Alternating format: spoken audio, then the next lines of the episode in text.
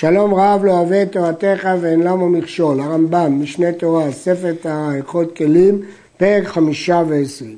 כל פשוטי כלי עץ שאין בהם כלי קיבול, העשויים לישיבה או לשכיבה או לרכיבה, מטמאים במדרס, גון המיטה והכיסא וכיוצא בהם. כיוון שזה עשוי למדרס, אפילו שהוא לא כלי קיבול, הוא טמא. ויש לשאול, הרי למדנו בפרק כ"ג הלכה א', שכל פשוטי עץ כשם שמטמאים במדרס, מטמאים גם במת, התשובה היא, שם הוא אמר מדבריהם, מדרבנן. פה הוא מדבר מדין תורה. פשוטי כלי עץ ודין תורה לא מטמאים, אבל מדרס, אם הם ראויים לשכיבה או ישיבה, מטמאים. המיטה והקר והכסת של המת, אף על פי שלא נעשה לשבת עליהם, אלא נעשה בשביל מת, שאין לו משכב או מושב, אבל הם ראויים לישיבה. וכיסא של כלה, שלא יושבים עליה באופן תמידי, רק לכבוד בזמן החתונה, ומשבר של חיה, יולדת יושבת על המשבר רק לצורך הלידה. וכיסא לכובש הוא קורס עליו את הכלים, יש גורסים קורם עליו את הכלים, אוסף עליו את הכלים. וכיסא של הקטן שיש לו רגליים, אף על פי שאין בו גובה טפח, כל אלו מטמאים, במדרס. כלומר, כל אלה למרות שלא יושבים עליהם בדרך קבע, סוף סוף יושבים עליהם ולכן הם מטמאים במדרס. כיסא של הברזל שעושים בבית הכיסא והאור נתון עליו, הרי הוא מטמא במדרס ובשאר התאורות כי יושבים עליו.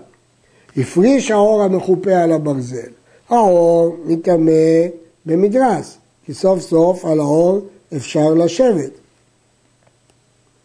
והברזל מטמא בשאר טומאות, אבל לא במדרס, כי הברזל אי אפשר לשבת עליו בלי האור, אז הוא מטמא בשאר הטומאות, אבל לא במדרס.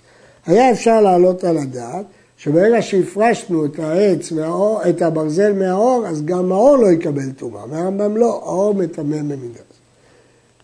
טרסקל של גמי וכיוצא בו, המחופה באור, גם כן סוג של כיסא, מטמא במדרס ובשאר תרומות. הפריש האור מעליו, שוב, פיצל את הכלי לשניים, האור מטמא במדרס, כי אפשר לשכב עליו. אבל התרסקל, הכיסא המתקפל הזה, טהור מכלום, שהרי נעשה כשברי כלים. אז כאן זה עוד יותר מההלכה הקודמת, הוא גם לא מטמא בשאר התרומות, כי אין שום משמעות לתרסקל הזה בלי האור.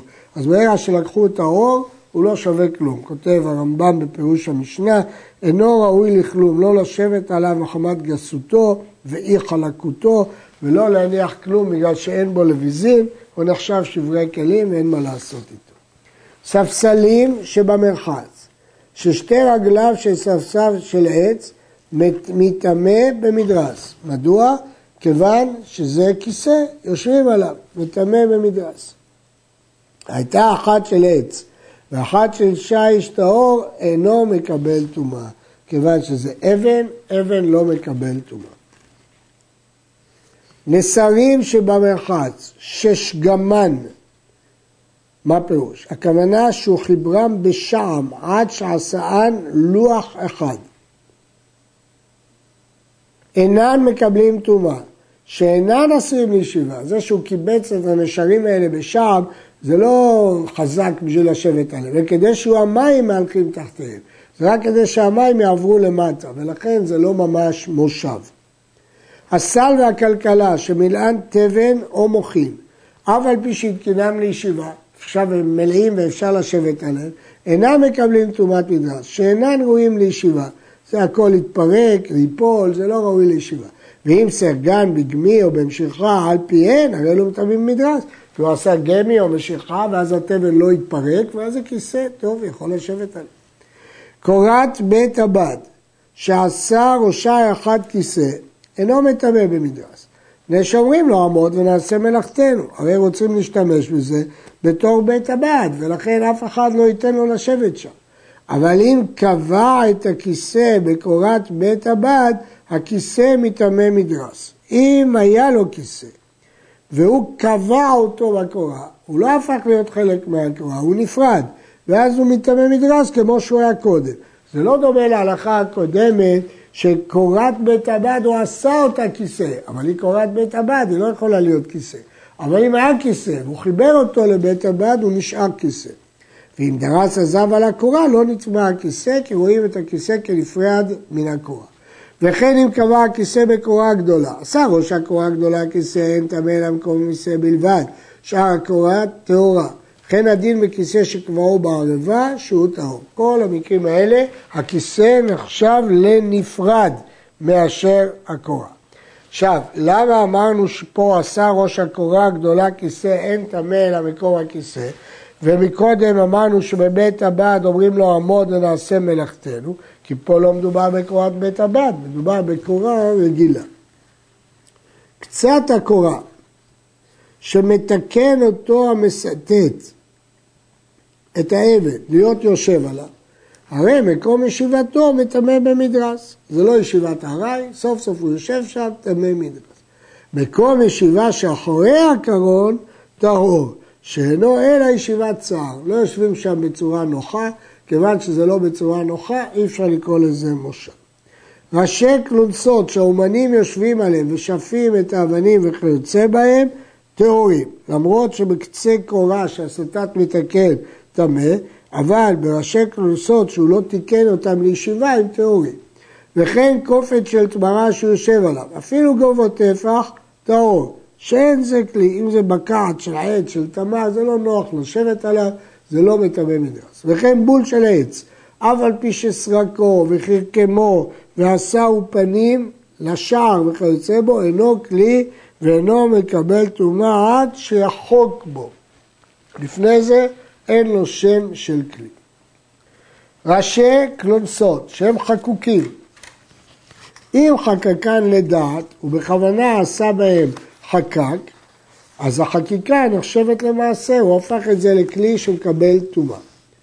מצען חקוקים, אם חשב עליהם, מקבלים טומאה מכאן ולהבא, כי הכלי יורד לידי טומאתו במחשבה.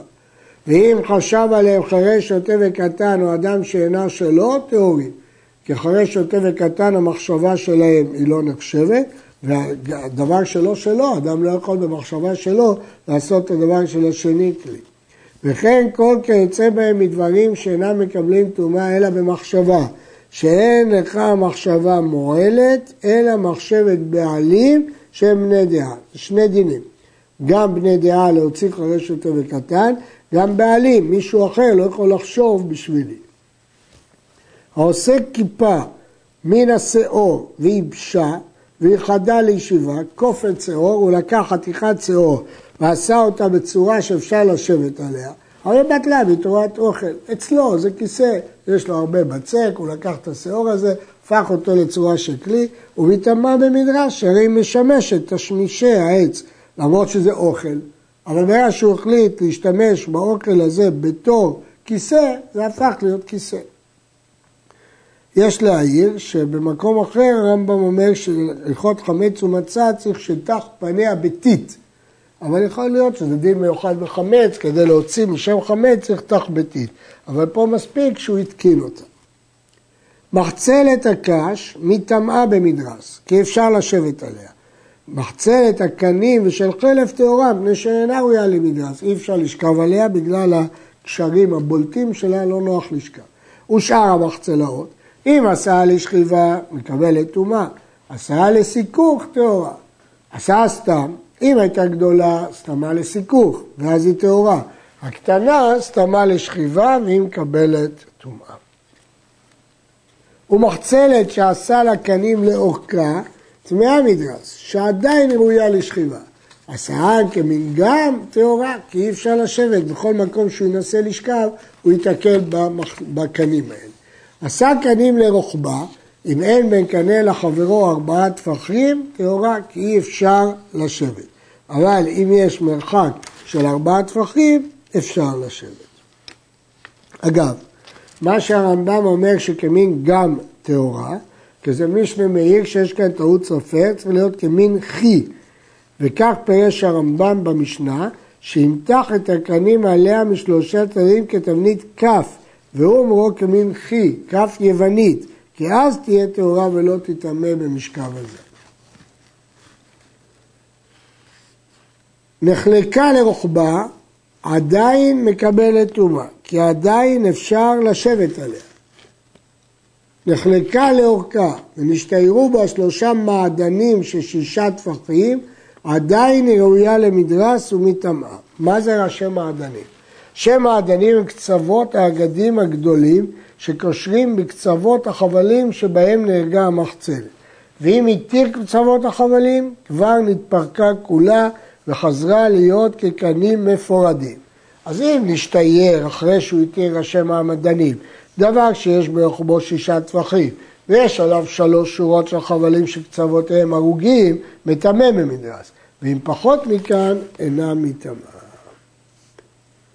וכן אם התיר השם מעדנים טהורה ואף תרומת מדרס לא תקבל המחצלת, עד שתיגמר מרתה ותתקנן כמו שביארנו. כלומר, רק אחרי שטיפלנו בקצוות, אז זה גמר לך, כי אחרת כל המחצלת תתפרק. תיבה שפיתחה מלמעלה, טהורה מן המדרס. למה? אם מישהו יושב על זה, נגיד לו עמוד ונעשה מלאכתנו, צריכים להכניס שם ציוד.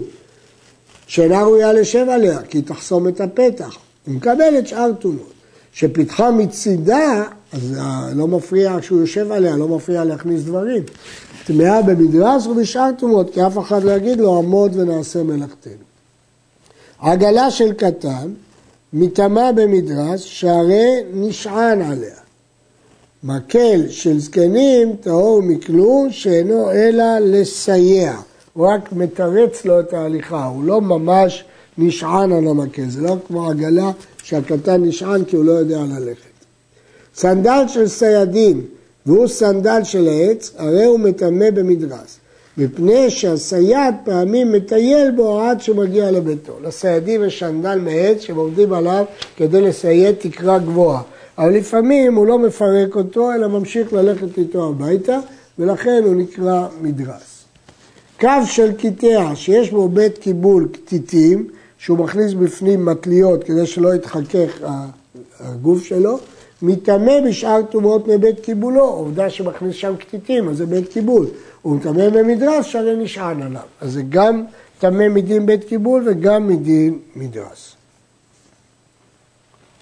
ואלו טמאים משום מרכב, מרדעת של חמור, ותפיתן של סוס, וכף של סוס, וחר הגמל, כף של נעקה, וכל כיוצא בהם. הלוחות שמניחים על גבי החמור ואחר כך נותנים עליו המסוי טהורות, זה לא נחשב מרכב. ואם הייתה ראויה למרכב, טמאה, אם אפשר לרכב עליה, היא טמאה. עד כאן.